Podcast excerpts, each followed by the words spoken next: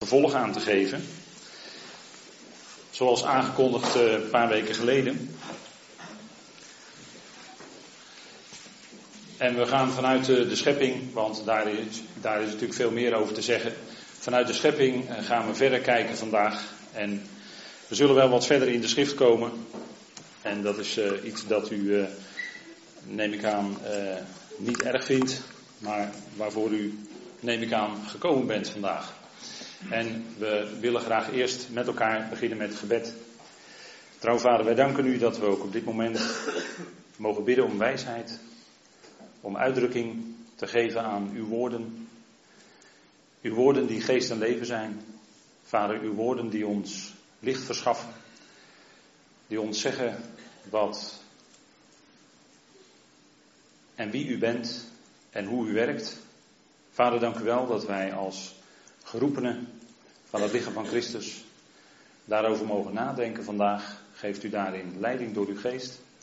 Geeft u een ontvankelijk hart. Vader, en mogen we verstaan wat u te zeggen hebt. Vader, het is goed om met elkaar tijd te reserveren om na te denken over het geweldige wat uw woord ons te zeggen heeft. En mag het leiden tot diepere vreugde in ons hart en leven. Vader, dat wij kunnen leven, ook morgen en overmorgen met datgene wat u schenkt. Vader, dank u wel dat u uw woord gegeven heeft. En dat is opdat wij zouden weten wat u ons in genade schenkt. Vader, en mag dat ons hart bewegen. Vader, in ons leven. Dank u wel dat het dan mag doorklinken tot lof en eer van uw naam. Mag dat ook zo deze morgen zijn. En daar bid ik u en daar dank ik u voor in de naam van uw geliefde zoon. Amen. Genesis 1, vers 1 tot en met 13. Dat hebben we gelezen met elkaar de eerste uh, drie dagen van het herstel hè, van een nedere, van een eh, wereld die tot uh, chaos en tot woestheid en tot leegte geworden was. Zo hebben we dat de vorige keer gezien. Dat is dus niet iets dat God iets schept en dan is het eerst een chaos en dan moet hij vervolgens orde in gaan brengen. Nee, als God iets schept is het een fantastische schepping met allerlei structuren erin is het een geweldig werk. En dat werk dat werd verstoord. En daarover willen we vandaag ook verder met elkaar nadenken.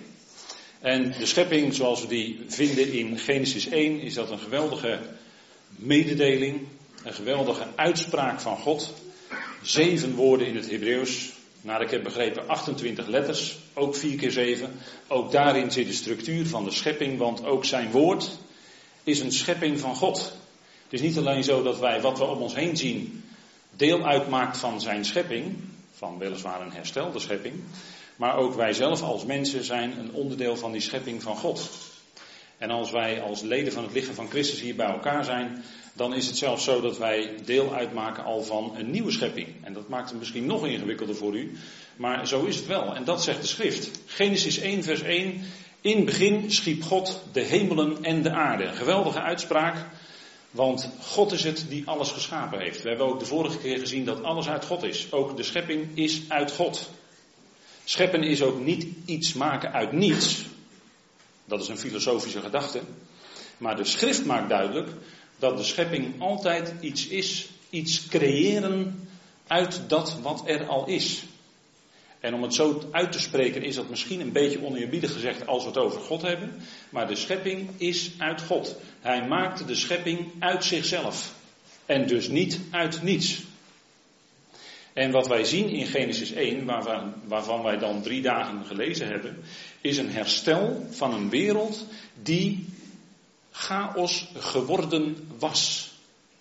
Die niet zoals chaos oorspronkelijk geschapen is, maar die een chaos en woestheid geworden is.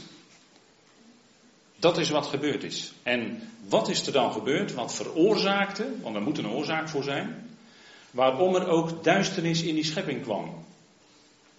Nou, en dat werd later hersteld. En dat herstel lezen wij in Genesis 1, vers 3 tot en met 2, vers 3. Dat is een herstel van een tot chaos verworden schepping. En we zien, we hebben gezien ook de vorige keer dat we in het eerste gedeelte van Genesis lezen het begin van de schepping en het begin van de generaties. En het facet van generaties is iets bijzonders. Voor wie? Voor ons niet. Wij zijn dat gewend. Wij zien generaties komen. Wij zien generaties helaas ook weer gaan. Mensen komen te overlijden. En als een hele serie mensen overlijdt, dan gaat een generatie weer heen. Dat is het sterven, dat is het lijden wat wij ondergaan, nu. Maar het zal niet bij lijden blijven, maar er komt iets geweldigs, hè? dat weet u. Maar die generaties, voor wie is dat bijzonder? Voor de hemelse machten en krachten, want die kenden dat niet. Totdat er mensen geschapen werden, wisten zij niets van het genereren van steeds weer een nieuwe generatie. Daar wisten de hemelingen niets van af. Totdat de mens geschapen werd. En totdat de dieren enzovoort op de aarde werden gezet. Vandaar dat deze tweedeling in schrift, zo in Genesis, zo belangrijk is. Dat we zien dat het eerste deel gaat over de schepping en het tweede deel over de generaties die komen. Dan lezen we over de aartsvaders, hè? Abraham, Isaac, Jacob, Jozef enzovoorts. Dat zijn de generaties. En als het gaat om schepping, hebben we vorige keer ook gezien, en ik herhaal even in vogelvlucht. De schepping is door het woord en de schepping is uit God. Dat is wat we zouden weten als gelovigen. Dat is iets wat wij zouden weten op een gegeven moment. Deze dingen moet je leren, maar op een gegeven moment weet je ze ook. En dat is fundamenteel voor je geestelijk denken. Dat je deze dingen weet en ook erkent. Want je kan wel zeggen, ja, ik ken alle antwoorden, maar geloof je ze ook? Geloof je ook wat er in de schrift staat? Je kunt het verstandelijk weten, maar geloof je ook met het hart wat er staat? Want dan pas krijgt het ook kracht in je leven. Eerder niet. Nou, de zoon van zijn liefde, dat is een geweldige uitspraak in Colossense 1. In Colossense 1 wordt gesproken over Christus als de zoon van zijn liefde. En er wordt iets geweldigs van hem gezegd. Hij is namelijk het beeld van de onzichtbare God. Als we hier zitten en ons afvragen hoe kunnen wij God kennen, dan zouden wij kijken naar zijn zoon. Want zijn zoon is mens geworden op aarde, net zo'n mens als wij, van vlees en bloed. Alleen hij heeft niet gezondigd. In hem zien wij wie God is. In hem zien wij wat de liefde van God vermag. In hem zien wij hoe ver God gaat om mensen die zondaren zijn, die zondigen. En tegenwoordig denk ik wel eens, het is zondigen bij de klippen op wat je ziet. Maar hoe ver gaat God dan om die zondaren weer tot zijn hart te brengen? Hij gaat zo ver dat hij zijn zoon mens laat worden. En ondanks het feit dat die mensen hem, hij die zonder zonde was, aan het kruis nagelden, dat hij die mensheid niettemin blijft liefhebben. Kijk, dat is de liefde van God. Want in die liefde wekte hij zijn zoon op uit de doden. De zoon van zijn liefde. En hij is het beeld van de onzichtbare God. De Israëlieten mochten geen gesneden beeld maken. Waarom was dat? Omdat dat beeld hen nog getoond zou worden in de zoon. Hij is het beeld van de onzichtbare God. En hij is de eerstgeborene van heel de schepping. In hem was eigenlijk die hele schepping vervat. ik heb de vorige keer dat voorbeeld gebruikt van een kastanje. Zoals een hele kastanjeboom zit in een kastanje. Dat is alleen maar een voorbeeld om het te illustreren voor u. Zo zat heel de schepping in de zoon van zijn liefde. En vanuit die zoon zou je kunnen zeggen, is heel die schepping dan tot stand gekomen. Is Gods werk. Dat is iets geweldigs. Dat hij de eerstgeboren is van heel de schepping. En hij is ook de eerstgeborene uit de doden. En het bijzondere is, en dat wil ik toch vandaag op, opnieuw onderstrepen, is dat Paulus zegt in Colossense 1 dat het al, dat is dus al het geschapene, het al werd geschapen in de zoon van zijn liefde. En die toevoeging liefde zouden we niet missen. Dat betekent dat u en ik, dat ieder mens, dat ieder schepsel te allen tijden verbonden is met God, want ooit geschapen in de zoon van zijn liefde. En dan komt het hopelijk een beetje dichter bij uw hart. Want u kunt zeggen, ja, dat is allemaal wat je nu staat te vertellen, is allemaal ver van me af en theoretisch. Nee, maar de zoon van zijn liefde. Liefde is datgene waar alle mensen naar op zoek zijn. Werkelijke liefde die nooit ophoudt. Werkelijke liefde die niet aflaat. Liefde die nooit meer te stoppen is. Dat is Gods liefde. Hoe ver een schepsel ook zinkt in de zonde. Hij zal nooit diep genoeg kunnen zinken om buiten het bereik van Gods liefde te kunnen raken.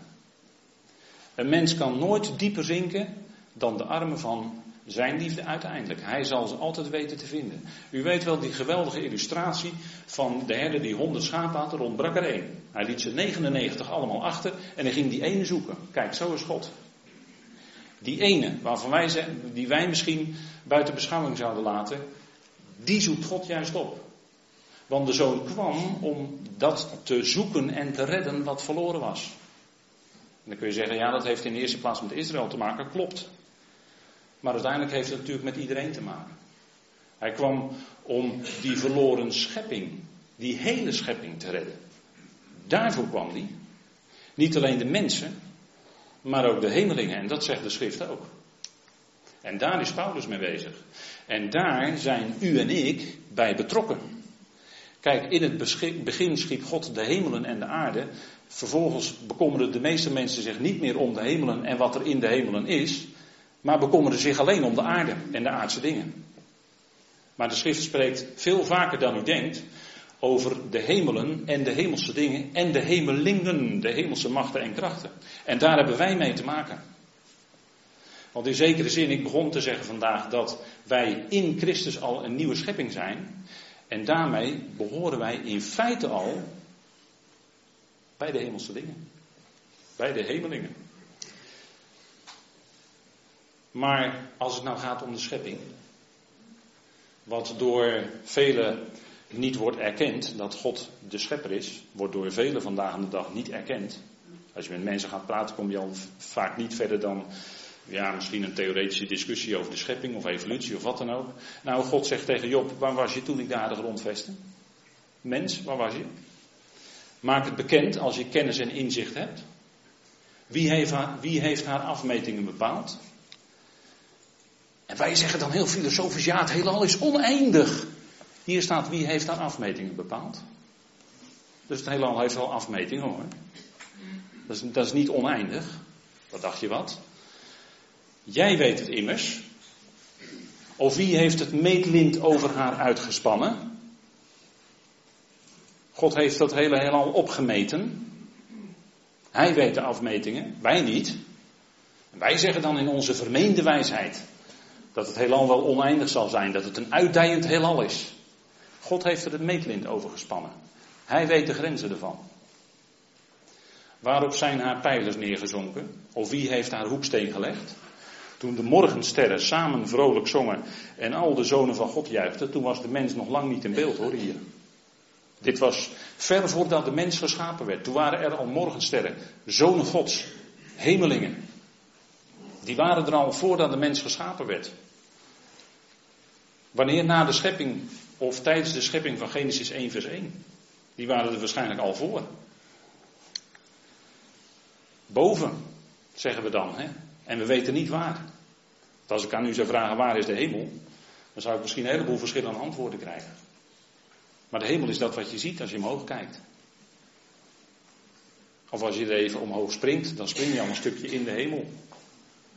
Dan komt ineens heel dichtbij, hè? Kijk, de hemel lijkt heel ver weg. En die wordt in allerlei reclames ook wel ludiek voorgesteld. Alsof er bovenop wolkjes allemaal engeltjes zitten enzovoort. En die zitten naar beneden te kijken. Wat een karikatuur. Moet ik heel hard om lachen. Omdat het A grappig is, omdat B heel ver van de waarheid af is. Want zo is het niet. En, en, dat is, en al die dingen zijn toch heel subtiel bedoeld om ons een beetje van die waarheid af te krijgen. Of die waarheid niet te laten ontdekken, kan ik misschien beter zeggen. Maar die hemelingen, die zijn gewoon om ons heen. Wij kunnen ze niet zien. Wij kunnen ze weliswaar niet waarnemen, maar ze zijn wel om ons heen. Nu, op dit moment. Veel dichterbij dus dan u denkt. En wat veel geweldiger is, is dat God veel dichterbij is dan u denkt. God woont namelijk door zijn geest een stukje van zijn geest in u en mij. En dat is heel bijzonder. En dan komt het ineens heel dichtbij. Kijk, de eerste eon, het eerste tijdperk, zit in deze periode. Maar daarin doet Genesis 1 niet zoveel mededeling. Dat lezen we pas achteraf. We hebben net gelezen uit Job 38 dat er morgensterren waren, dat er zonen gods waren, die stonden te juichen toen dit gebeurde. En later juichten ze wat minder, want er kwam chaos, woestheid en duisternis. En waarom was dat?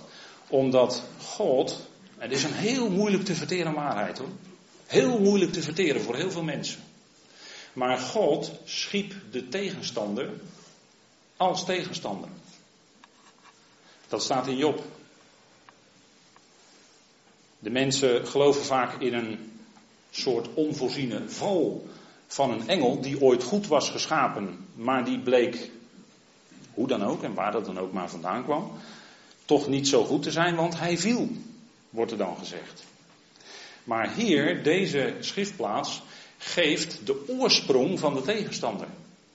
Er staat namelijk in Job 26, door zijn geest, dat is de geest van Al, en Al is degene die vaak aangeduid wordt, ja, vertaald wordt met God, maar ja, wie is God, hè? Maar als het gaat in het Hebreeuws om Al, vaak wordt gezegd eeuw, maar de letters zijn eigenlijk de alef en de lamet, dat is Al, dat is de onderschikker, dat is degene die alles in zijn plan op zijn plaats zet. En de eerste die dat zijn, dat is de gemeente, het lichaam van Christus. De onderschikker. Hij schiep de tegenstander. Dat staat in Job 26. Daar staat namelijk door zijn geest kregen de hemelen helderheid. En zijn hand leed weeën, tussen haakjes geboorte, daar zou je aan kunnen denken als vergelijking. Bij de vluchtige of snelle slang. Dus toen zijn hand de slang, dus de tegenstander, schiep, toen leed God als, als het ware daarbij weeën. Dat was een heel moeizaam proces, zou je misschien kunnen zeggen. Dat kunnen we misschien hieruit afleiden. En daarin zit ook al een stukje pijn. Daarin zit ook al een stuk lijden wat wij in de schepping tegenkomen. En dan krijgt u ook antwoorden. Hè? Nu krijgt u antwoorden op lijden. Waarom is er lijden? En daar komen we nog wel verder op terug. Maar dat heeft hiermee te maken. Met de komst van de tegenwerker. God schiep de tegenstander als tegenstander. Waarom kan hij dat doen? Nou, omdat hij God is. En omdat wij schepselen zijn, kunnen wij er allerlei vraagtekens bij hebben. Maar Paulus zou dan zeggen in Romeinen 9, wie ben jij? Wie ben jij? Dat jij God ter verantwoording zou roepen. Wie ben je eigenlijk? Mens? Wat een mens zou doen, is dat woord horen en dat woord geloven met het hart. En dan kom je verder in je leven. Kijk, de Heer Jezus, die zei zelf dit. Hij was een mensenmoordenaar vanaf het begin. En u ziet dat het woord het is dun gedrukt, dat staat er dus niet in de grondtekst. Hij was een mensenmoordenaar vanaf begin en staat niet in de waarheid.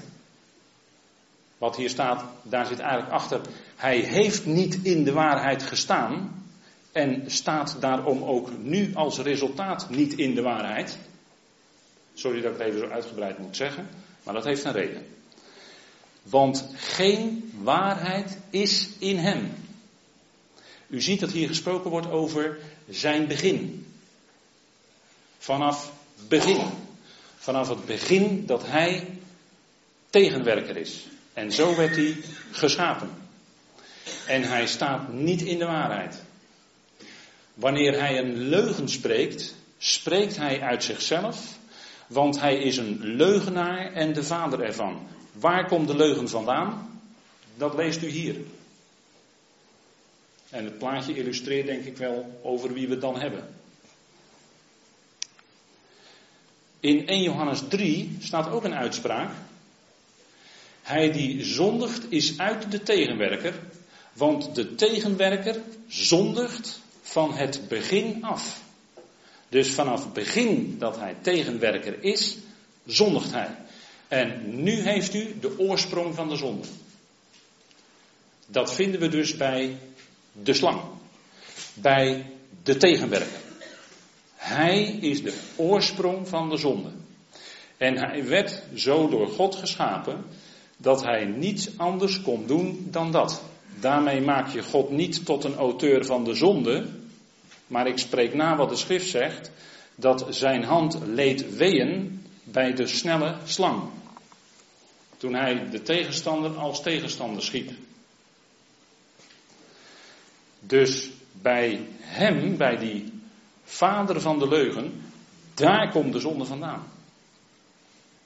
Want hiertoe werd de zoon van God, en nu komt het evangelie, hè? nu komt het goede nieuws, wat we steeds in de schrift tegenkomen, want hiertoe werd de zoon van God geopenbaard, dat hij de werken van de tegenwerker buiten werking zal stellen. En het geweldige is, dat doet hij ook. Veel traditionele orthodoxe gelovigen geloven dat 99% van de mensheid voor eeuwig verloren is. Maar hier staat dat de Zoon van God de werken van de tegenwerker buiten werking zal stellen. En hij doet het ook. En dus wordt iedereen gered. Want hij is Jezus en zijn naam betekent dus redder. Hij is de Zoon van God. En hij redt iedereen, heel de schepping. Dat maakt Paulus bekend. En dat is wat. Uh, dan zegt u ja, maar waarom moet ik dit weten? U moet dit weten omdat u lid bent van het lichaam van Christus. En omdat u misschien wel dagelijks met die tegenwerker te maken heeft. Ja, maar ik zie hem toch helemaal niet? Nee, maar dat is hem juist. Hij is een geest. En die zien we niet. Maar we zien wel de uitwerking van zijn werk. En zijn werk heeft vooral te maken met het woord van God. De mensen op een dwaalspoor zetten. Hij is de vader van de leugen. Hij wil u aangaande het woord van God graag in de leugen brengen en houden. En daarmee doet hij allerlei, heeft hij allerlei trucjes om A, de gelovigen af te leiden van het woord van God. En B, als hij dat niet kan, om ze in de onwaarheid te zetten. Dus om ze dingen te laten geloven die niet in de schrift staan. Ik zei u net iets, de orthodoxie gelooft dat 99% van de mensheid voor eeuwig verloren is. Dat is een leugen. Dat staat niet in de schrift. Dat is een leugen uit de koker van de tegenwerker dus. En de schrift stelt dat aan de kaak. En daar waar je die waarheid van de schrift naar voren gaat brengen, krijg je tegenstand. Waarom? Nou, omdat die tegenwerker aan het werk is. Vandaag. Hij is niet ver weg. Maar de schrift zegt dat hij de overste is van de macht der lucht. Hij heeft allerlei onderdanen die hem ten dienste staan om ons als gelovigen in de leugen te brengen en liefst ook te houden. En ik denk dat dat uh, de eerste eon is. Daarom moeten we daar ook van weten. En dat is natuurlijk ook iets, hè. Die eerste eon, die eerste tijd tussen Genesis 1 vers 1 en 1 vers 2, die tijd, daar wil de tegenwerker maar liever dat wij daar niets over weten. U begrijpt nu waarom, hè. U begrijpt nu waarom. En daarom is het ook goed om die waarheid te leren kennen. Nou, de schepping, daar waren hemelingen bij betrokken, zonen gods, morgensterren. Er kwam opstand, ja, want de tegenwerker werd geschapen als tegenwerker. Toen kwam er een opstand, door hem veroorzaakt, onder die hemelingen. En als gevolg daarvan kwam een gericht. En de uitwerking van dat gericht lezen we in Genesis 1, vers 2. Namelijk dat er woestheid, leegte en duisternis was over die oorspronkelijke schepping. Dat was een tot chaos geworden schepping. De uitwerking van het gericht op het zondigen van de tegenstander. Want we hebben gelezen, hij zondigt vanaf het begin. Hij is een mensenmoordenaar vanaf het begin. Nou, de aarde werd chaos en leeg op of over het aangezicht van de samengestroomde chaos. Een gevolg van het gericht van God op de zonden.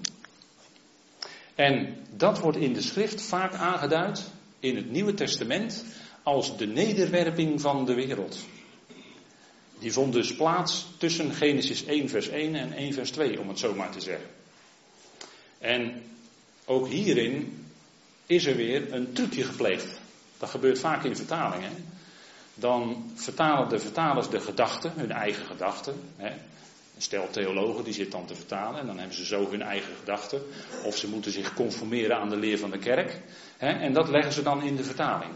Dan weten ze wel wat er staat, maar ze moeten zich houden aan de leer van de kerk. En dus wordt het anders vertaald dan wat er staat. Dat gebeurt. Dat is gebeurd. U leest het onder andere in de NBG-vertaling.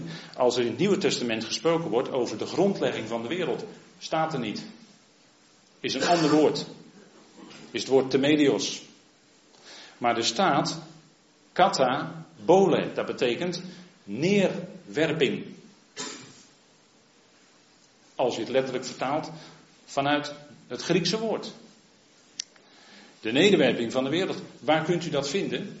Nou, u kunt dat later zelf voor u nog eens noteren. En er worden er twee dingen gezegd. Twee dingen. Dingen die er zijn of gebeuren vanaf de nederwerping van de wereld. En dingen die gebeuren of er zijn voor de nederwerping van de wereld. En zegt u, ja, is dat niet erg theoretisch, zo vallen over zo'n voorzetseltje in het Grieks? Dat is ongelooflijk belangrijk.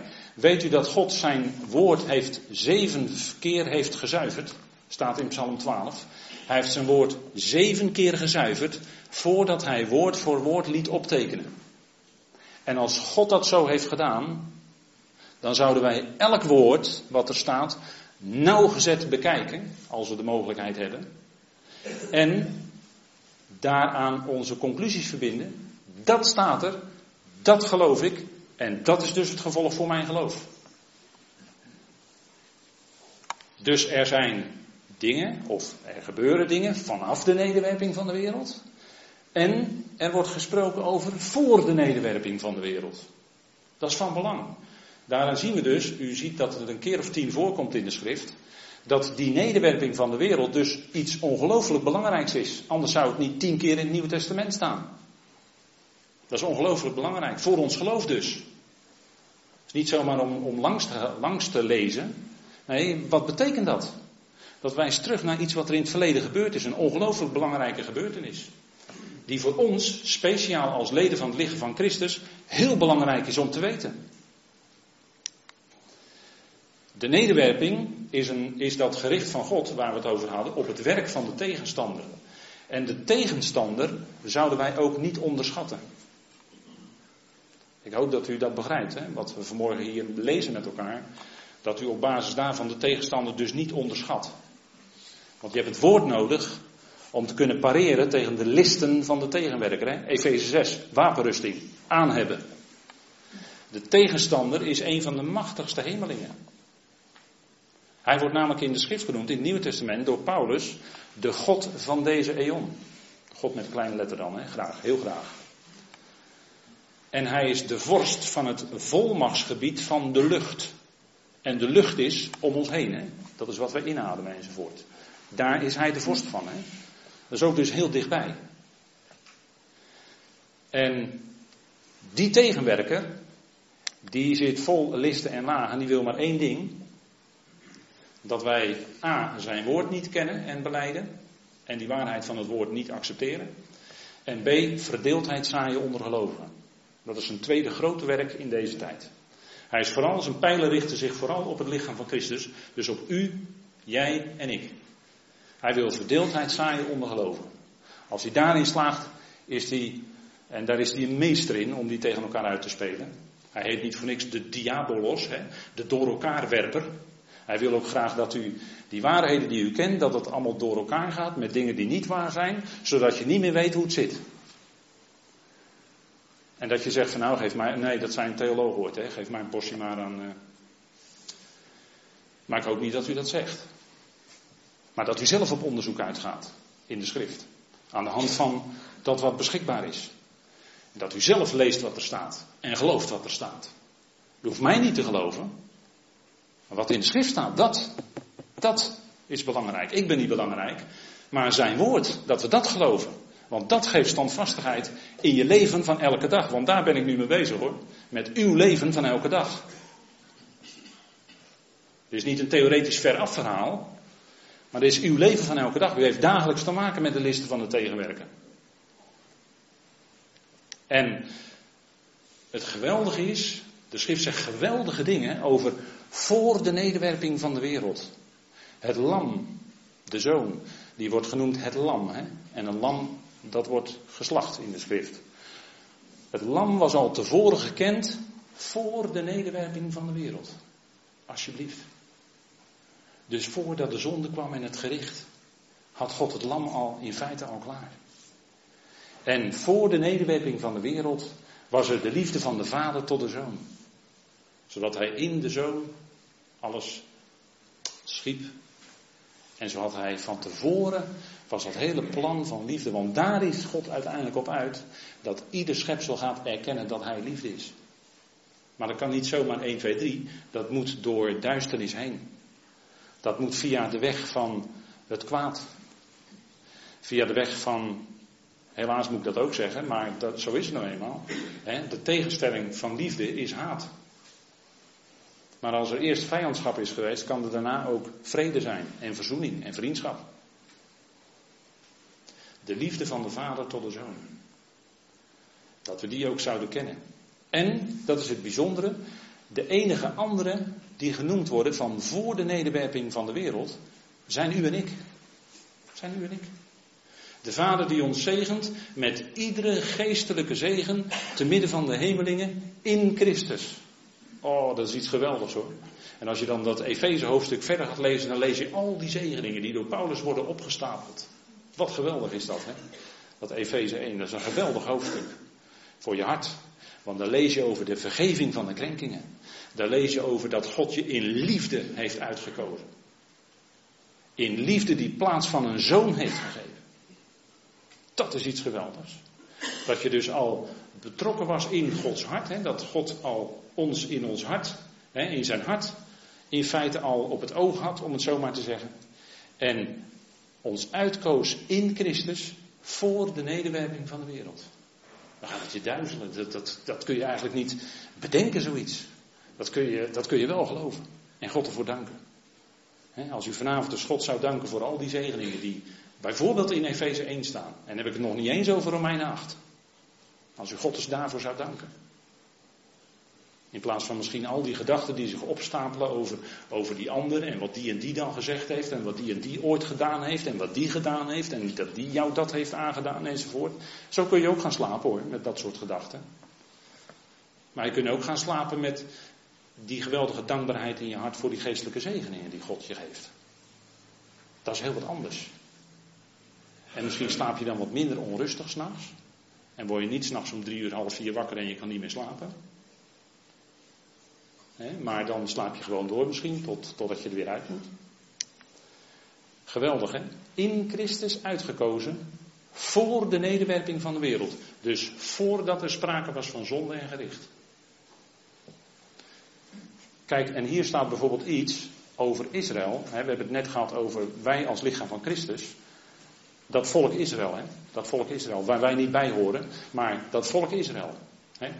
Allen die op de aarde wonen, zullen het aanbidden, van wie de namen niet zijn geschreven in het boek van het leven, van het lam dat geslacht is, van de nederwerping van de wereld af. Dus als het gaat om de gelovigen van Israël, dan wordt er ineens gesproken over vanaf de nederwerping van de wereld. Dat is dus van een andere orde. Dat is nadat de zonde en gericht heeft plaatsgevonden. En dat vinden we ook in Openbaring 17, vers 8.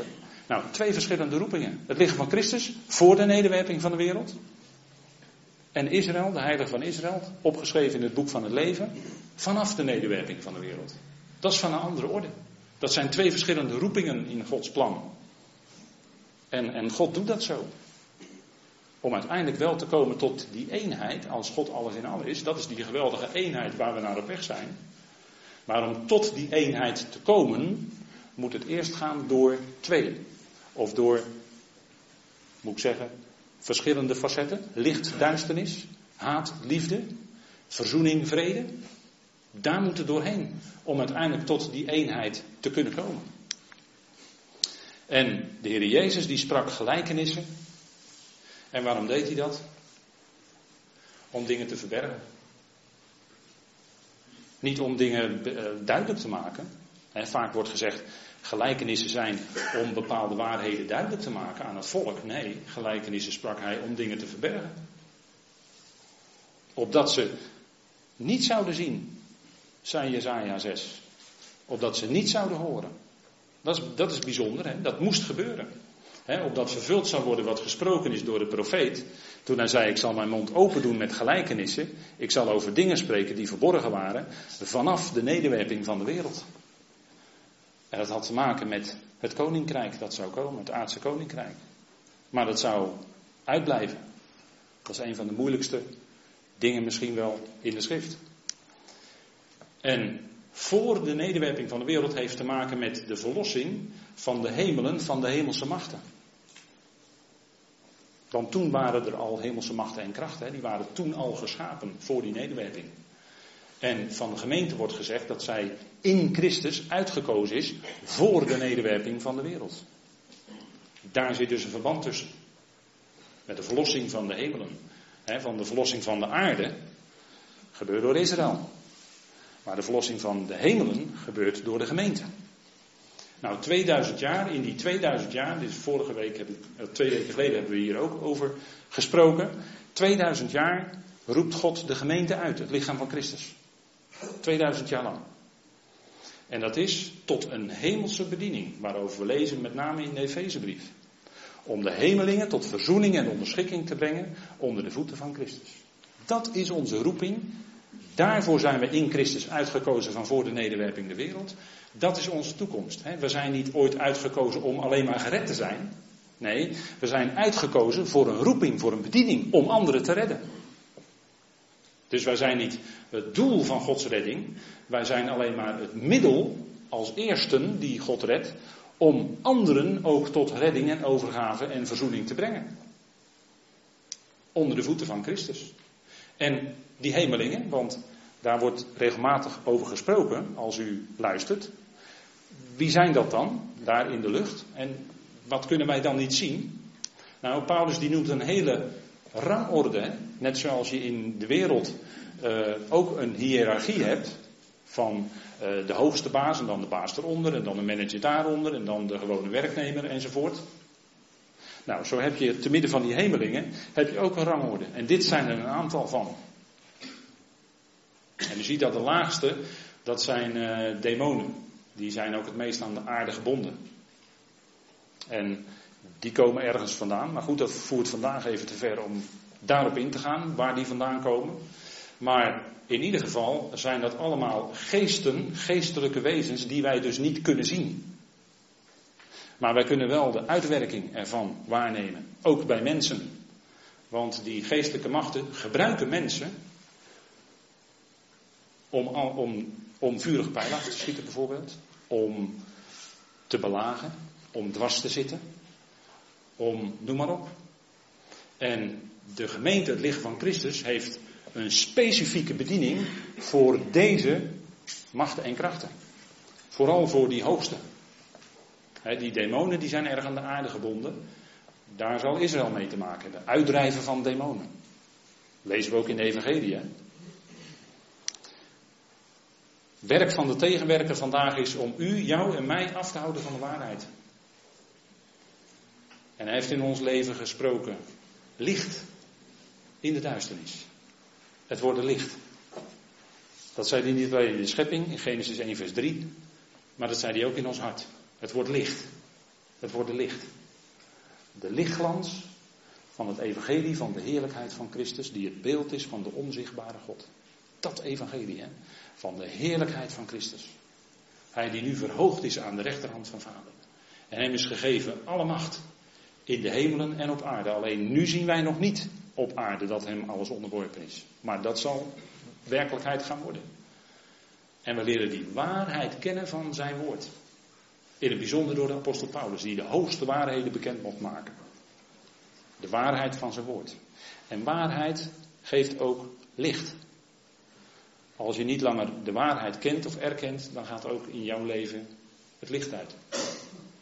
Maar God sprak in ons leven het worden licht.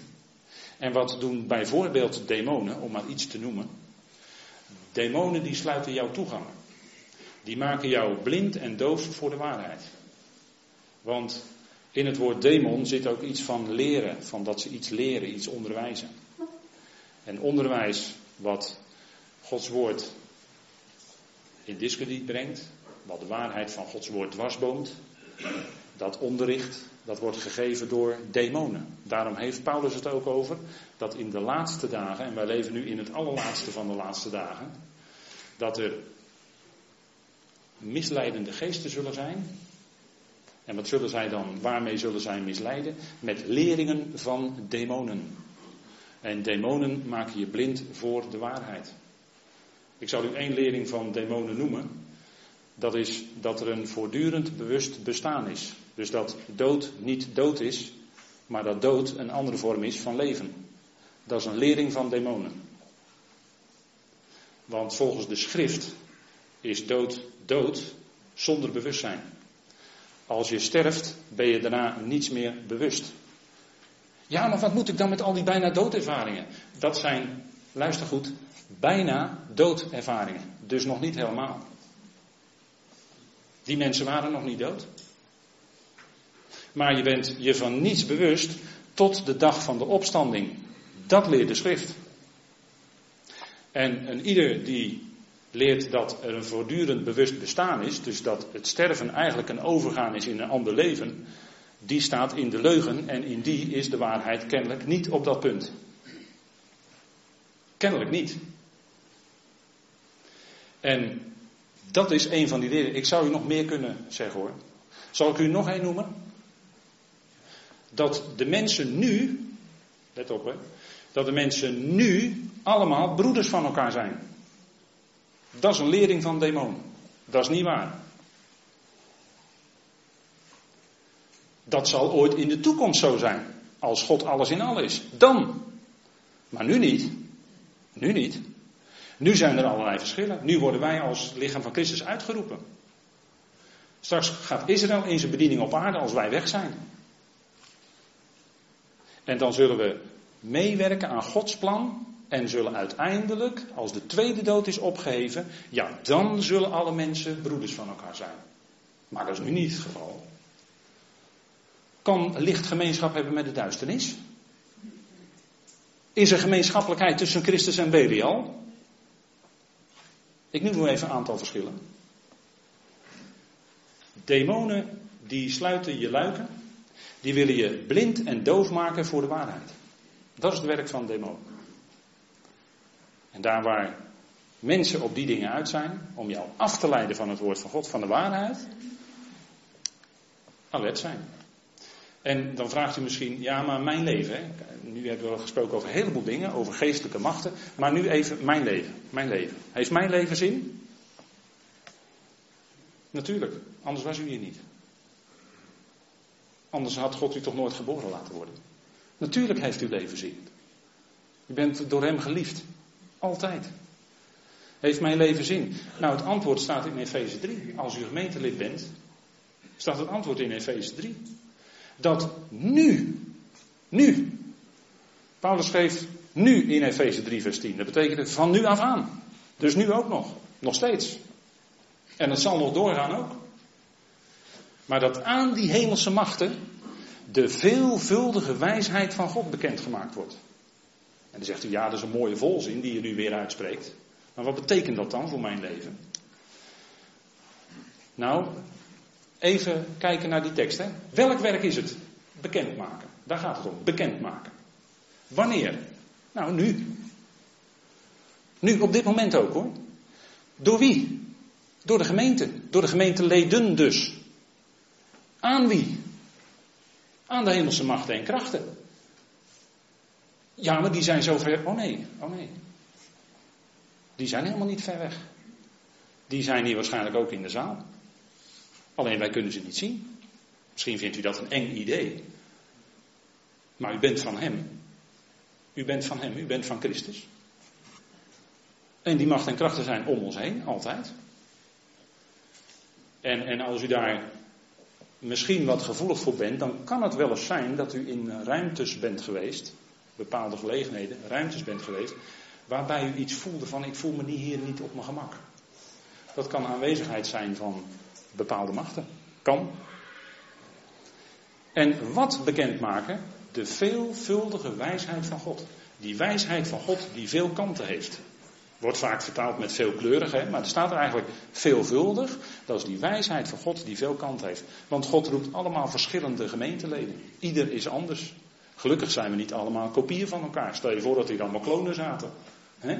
Dat zou niet, uh, niet zo geweldig zijn. Nee, diversiteit. Kijk eens wie God allemaal roept. Uit alle lagen van de bevolking. Waar dan ook vandaan.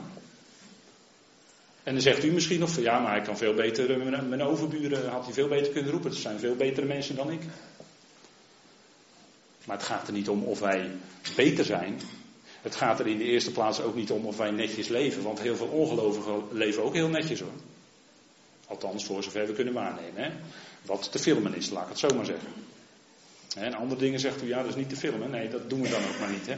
Maar, veel, veel ongelovigen leven ook heel netjes. Is dat dan het criterium? Nee, dat is helemaal niet het criterium. Het is om of je geroepen bent door God. Dat is het criterium. En dat jij, u en ik geroepen zijn als mensen die van onszelf, nou ja, we stonden er niet zo best voor. We stonden er niet zo best op. En dat wij nou geroepen worden en dat God ons genade schenkt, dat is een prediking aan de hemelingen vandaag. Dat is het bekendmaken onder andere van de veelvuldige wijsheid van God. En dat de hemelingen verbaasd toekijken hoe sommige gelovigen, of misschien wel veel gelovigen, in hun leven met lijden omgaan en verdrukkingen. Hoe ze daarmee omgaan. Hoe Paulus daarmee omging, laat ik dat dan als voorbeeld nemen. Die een splinter in zijn vlees had, hè? dat was ook een geestelijke macht, want het was een bode van de tegenstander. Maar Paulus leed, ook lichamelijk. Hoe ging Paulus daarmee om? God betoonde hem genade in die situatie. Dat was een prediking aan de hemelingen. Hij zegt, wij zijn een schouwspel. Wij zijn een schouwspel. Gebruikt dit woord theater, hè? Wij zijn een schouwspel voor die hemelingen. En, en God laat door de gemeente heen zien zijn veelvuldige wijsheid. Niet alleen zijn wegen die je gaat met de gemeente en met het lichaam van Christus en met de volkeren en, en al dat soort zaken. Dat is op zich ook een prediking van zijn wijsheid. Maar nu specifiek hebben we het over deze tekst door de gemeente. Door de gemeente heen dat wat de gemeente ook verkondigt, dat wat bekendgemaakt wordt door het woord, dat is natuurlijk ook een prediking aan de hemelingen. Want die luisteren mee. Dus op de vraag, heeft mijn leven zin? Zegt de schrift, ja, want God werkt in uw en jouw leven in zijn wijsheid uit, samen met al die andere gelovigen, als een schouwspel en een bekendmaking aan de andere hemelsen. Ons leven is een schouwspel voor die hemeling. Daardoor maakt God dingen bekend. Zijn wijsheid.